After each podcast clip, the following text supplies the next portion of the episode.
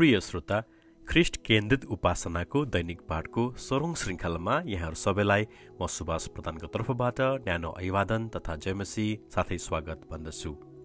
श्रोता बाइबलका सबै पात्र र घटनाहरूले कसरी ख्रिस्टको प्रतिरूप वा ख्रिस्टको सुसमाचारको सङ्केत गर्दछ भनी देखाउनु यस कार्यक्रमको उद्देश्य रहेको कारण हामी हरेक श्रृङ्खलामा यसै विषयलाई जोड दिँदछौँ। तसर्थ आज मात्र पहिलो पटक तपाईँले यो पाठ सुन्दै हुनुहुन्छ भने अघिल्ला श्रृङ्खलाहरू सुन्नको लागि म विनम्र अनुरोध गर्दछु। हिजोको श्रृङ्खलामा हामीले कसरी पाप प्रवेश भयो फलस्वरूप अदनको बगैँचाबाट आदम र हवा कसरी बाहिर निकालिए र त्यो जीवनको रुखको फल खान मानिसको निम्ति प्रतिबन्ध कसरी लगाइयो साथै परमेश्वरले आफ्नो योजनामा मानिसहरूलाई त्यो बगैँचा र त्यस जीवनको रुखबाट खान कसरी ख्रिस्ट येसुमा भित्रबाट बाहिर ल्याई हामी बाहिरकाहरूलाई भित्र ल्याउन परमेश्वरले योजना गर्नुभयो भनी हेरेका थियौँ भने आज भाग सोह्रमा हामी उत्पत्तिको पुस्तकमा पाप र श्राप भन्ने शीर्षकमा थप अध्ययन गर्नेछौँ। श्रोता पाप सम्बन्धी आफ्ना आस्था अनुसारका परिभाषाहरू होलान्। तर बाइबलमा यसले त गहिरो अर्थ बोकेको छ। धेरै क्रिस्चियनहरू पापको बारेमा त्यति गम्भीर भएको पनि देख्दैनौँ। मानौ पाप भनेको परमेश्वर र मानिसको सानो मनमुटाव जस्तै हो अनि परमेश्वरसँग माफी मागे भइहाल्छ नि उहाँले क्षमा दिइहाल्नुहुन्छ नि जस्तो गरिकन हिँड्दछन् अथवा पाप भनेको केवल नकारात्मक सोचाइको कुरा मात्र हो भन्ने गलत बुझाइ पनि राखेका छन्। पापलाई कार्य मनोवृत्ति वा स्वभावमा परमेश्वरको नैतिक कानुन पालन गर्ने कुरामा कुनै पनि कुरामा असफल हुनु पाप हो भनी मानिसहरू अर्थ लाउँछन्। सामान्य अर्थमा परमेश्वरले राखिदिनु भएको निशानामा चुक्नु हो भनी परिभाषित गर्छन्। तर यो निशानामा चुक्नुभन्दा पनि गहिरो छ। कतिले पापलाई अनआज्ञाकारिताको रूपमा बुझ्छन् तर यो त्योभन्दा पनि गहिरो छ। कसैले व्यवस्था भङ्ग गर्नु हो भनी बुझ्छन् तर यो त्योभन्दा पनि गहिरो छ। स्वार्थीपना हो भन्छन् कति तर यो स्वार्थीपना भन्दा पनि गहिरो छ। यो परमेश्वरलाई छोडी अरू कसैलाई परमेश्वर मान्नु भन्छन् तर यो त्योभन्दा पनि गहिरो छ वा विश्वासघात भन्छन्। तर यो विश्वासघात भन्दा पनि गहिरो छ। अघि भनिएका सबै कुराहरूले पापको बारेमा केही कुराहरू बताए तापनि श्रोता पापको सार तत्त्वको परिभाषा सन्तोषप्रद हुँदैन। किनभने बाइबलले पापलाई राजद्रोह अर्थात् ईश्वर निन्दाको रूपमा लिएको छ। बगैँचाको असल र खराबको ज्ञानको रुखको फलले असल र खराबको ज्ञान हासिलको लागि मात्र थिएन। यो त सृष्टिको मालिक वा राजाको अधिकारप्रतिको हमला थियो। आदम र हब्बा परमेश्वरका सृष्टि थिए र तिनीहरूका सृष्टिकर्ताका रूपमा तिनीहरू परमेश्वरमा निर्भित थिए। तिनीहरू सदैव उहाँको अधीनमा बस्नुपर्ने थियो। तर आदम र हब्बाले परमेश्वर जस्तै बन्ने परीक्षामा फँसे। जहाँ राजाले आफ्ना प्रजाको निम्ति तोकिदिएको असल र खराबको निर्णय गर्ने अधिकार आफ्नो हातमा लिई सृष्टिकर्ता राजाको विद्रोह गरे। मानौ मलाई तपाईँको जरुरत छैन। म मेरो लागि के असल र के खराब म आफै निर्णय गर्न सक्छु भनी राजाको विरुद्ध गरेको धोकापूर्ण विद्रोह थियो। तिनीहरूले आफूलाई परमेश्वरको स्थानमा राख्न प्रयत्न गरे। त्यसकारण पापलाई केवल सम्बन्ध तोडिनु मात्र हो भनी ठान्नु गलत हो। तर यो त पापको परिणाम हो। पाप मुख्य रूपमा सृष्टिकर्ताको विरुद्धमा खडा हुनु हो उहाँलाई तिरस्कार गरी ईश्वर निन्दा गर्नु हो। प्रिय श्रोता पापको प्रवेशले परमेश्वरको सुन्दर सृष्टिलाई कुरूप बनायो। जसरी उज्यालो र अँध्यारो एकसाथ रहन सक्दैन परमेश्वरको ज्योतिर्मय उपस्थिति पनि त्यस पापी मानिसको साथ रहन सकिन जसलाई बाइबलले आत्मिक मृत्यु भनी भन्दछ त्यसकारण परमेश्वरबाट अलग भएको आत्मा आत्मिक रूपमा मरेको हुन्छ भनी बाइबल बताउँदछ। परमेश्वरको विद्रोह गरेकोमा श्राप उनीहरूमा पर्यो जसको कारण यस सृष्टिमा मुख्य तीन प्रकारका असरहरू देखा परे जसले अनगन्ती समस्याहरू पनि ल्याए। पहिलो कुरा मनोवैज्ञानिक असर र समस्या। आदम परमेश्वरबाट लुके डर त्रास मानसिक असरहरू देखा पर्न थाले क्रोध हत्या र हिंसा आदि इत्यादि। दोस्रो सम्बन्धनात्मक असरहरू देखा पर्न थाले। हिजोसम्म हाडको हाड मासुको मासु भनी गुणगान गरेको आफ्नी पत्नीलाई पाप प्रवेश पछाडि दोष लगाउने काम भएको छ। पुरुष र स्त्री बीचको सम्बन्धमा समस्या आएको छ। दाजुभाइ बीचको सम्बन्धमा समस्या खडा भएको छ। तेस्रो वातावरणीय असर र समस्याहरू। जब आदमले पाप गरे जब उसको आफ्नै काम कष्टकर भयो जमिनले काँडा उमार्नुपर्ने भयो।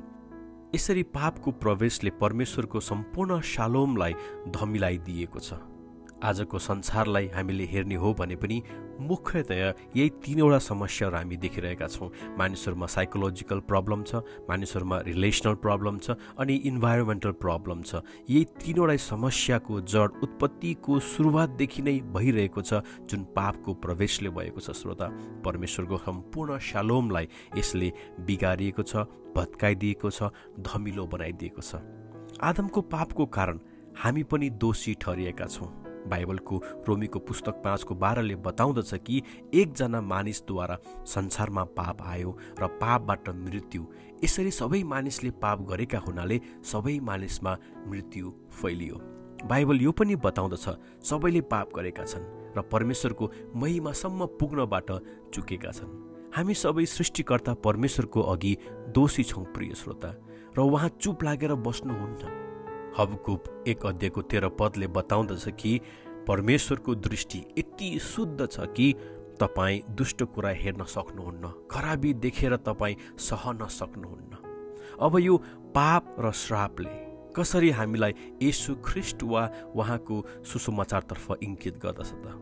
श्रोता यसु हामीलाई राम्रो मानिस बनाउन आउनुभएको होइन जसको निम्ति परमेश्वरले उहाँलाई पठाउनु भएको पनि होइन।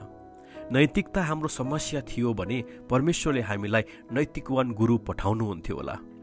यदि हाम्रो समस्या खुसी हुन नसक्नु थियो भने निराशा थियो भने परमेश्वरले हाम्रो निम्ति हास्य कलाकार पठाउनुहुन्थ्यो होला।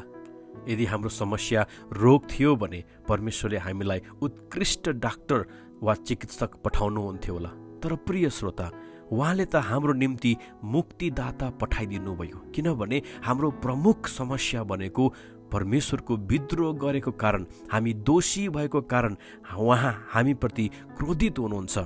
हाम्रो पापको निम्ति प्रायश्चित हुनको निम्ति यसु मुक्तिदाताको रूपमा आउनुभयो। हाम्रो ठुलो समस्या भनेको पाप हो जसको निम्ति हामीलाई मुक्ति चाहिएको छ। त्यसैले बाइबल बताउँदछ कि हामी पापी छँदै ख्रिस्ट हाम्रो निम्ति मर्नुभयो। साथै दोस्रो ग्रन्थी पाँचको एक्काइसले यो बताउँदछ कि हामी उहाँमा परमेश्वरको धार्मिकता बन्न सकौँ भनेर पाप नचिन्नु हुनेलाई परमेश्वरले हाम्रो खातिर पाप बनाउनुभयो। देख्नुभयो त श्रोता पापै नचिन्नु हुनेलाई पाप बनाउनुभयो यशुलाई। यसै गरी पहिलो पत्रुस दुईको चौधले भन्दछ कि हामी पापका लेखी मरेर धार्मिकताको लेखी जियौँ भनेर उहाँले अर्थात् यसुले क्रुसमा आफ्नै शरीरमा पाप बोक्नुभयो। साथै गलाती तिनको तेह्र र चौधले यो पनि बताउँदछ कि हाम्रा निम्ति श्राप बनेर ख्रिस्टले हामीलाई व्यवस्थाको श्रापबाट मोल तिरेर छुटाउनुभयो किनकि काठमा झुन्डुने हरेक श्रापित हुन्छ भन्ने लेखिएको छ। उहाँले हामीलाई मोल तिरेर छुटाउनुभयो ताकि अब्रामलाई दिएको आशिष ख्रिस्ट येसुद्वारा अन्य जातिहरूमा आओस् र हामी विश्वासद्वारा प्रतिज्ञाका पवित्र आत्मा प्राप्त गर्न सकौँ। प्रिय श्रोता यी पदहरूबाट हामी यही कुरा थाहा गर्दछौँ कि यशुले आदमदेखिको त्यो श्राप आफूमाथि बोक्नुभयो र आफ्नो मृत्युद्वारा दाम तिरी त्यो श्रापबाट हामीलाई छुटकारा गर्नुभयो र अब्रामको आशिषमा सहभागी गराउनुभयो। साथै आदमको पाप पनि आफ्नो शरीरमा बोक्नुभयो र हाम्रो सबै दोष तमसुक रद्द गर्नुभयो र आज त्यो तिनवटा समस्याहरू फेरि ख्रिस्टमा उहाँले हटाइदिनु भएको छ। मनोवैज्ञानिक समस्या अब हामी परमेश्वरदेखि डराउनु पर्दैन। यसुमा हाम्रो मिलाप भएको छ। सम्बन्धका समस्याहरू आज यसुको आत्माको शक्तिले हाम्रो शत्रुहरूलाई र छिमेकीलाई प्रेम गर्न उहाँले सहायता गर्नुहुन्छ। वातावरणीय समस्या अब यो सृष्टि पनि आफ्नो मुक्तिको लागि यसुको दोस्रो आगमनको तृष्णा गरेर बसिरहेको छ भनी रोमीको पुस्तकले हामीलाई बताउँदछ। अर्थात् यसु ख्रिस्टको क्रुसको मृत्युले अदनको बगैँचामा भएको पाप र श्रापलाई बोकेर आज हामीलाई नवीन जीवन उहाँले हामीलाई दिनुभएको छ। मुक्तिको जीवन अनन्त जीवन परमेश्वरसँग रहने जीवन दिनुभएको छ। प्रिय श्रोता यसरी उत्पत्तिको पाप र श्रापले येशुको क्रुसको मुक्तितर्फ इसारा गर्दछ जुन क्रुसको मुक्ति हाम्रो सुसमाचार हो। परमेश्वरको जय होस्। आउनुहोस् प्रार्थना गरौँ। महान परमेश्वर तपाईँले आदमले ल्याएको पाप र श्राप आफ्ना पुत्रमाथि लिन यसु दिनुभएको लागि धन्यवाद। जसरी एउटै मानिसको अपराधले सबै मानिसहरू दण्डका भागीदार बने त्यसरी नै एउटै मानिसको धार्मिकताको कामले सबै मानिसका निम्ति धार्मिकता बने। अनि हाम्रो निम्ति येसुले पाप र श्राप दुवै बोकी हामीलाई परमेश्वरमा मिलाप ल्याउनु भएको लागि येसुमा तपाईँलाई धन्यवाद जनाउँदछौँ। येसु क्रिस्टको नाउँमा।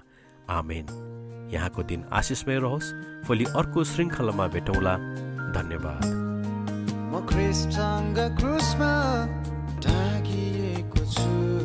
म ख्रिस्टसँग क्रुसमा ढाकिएको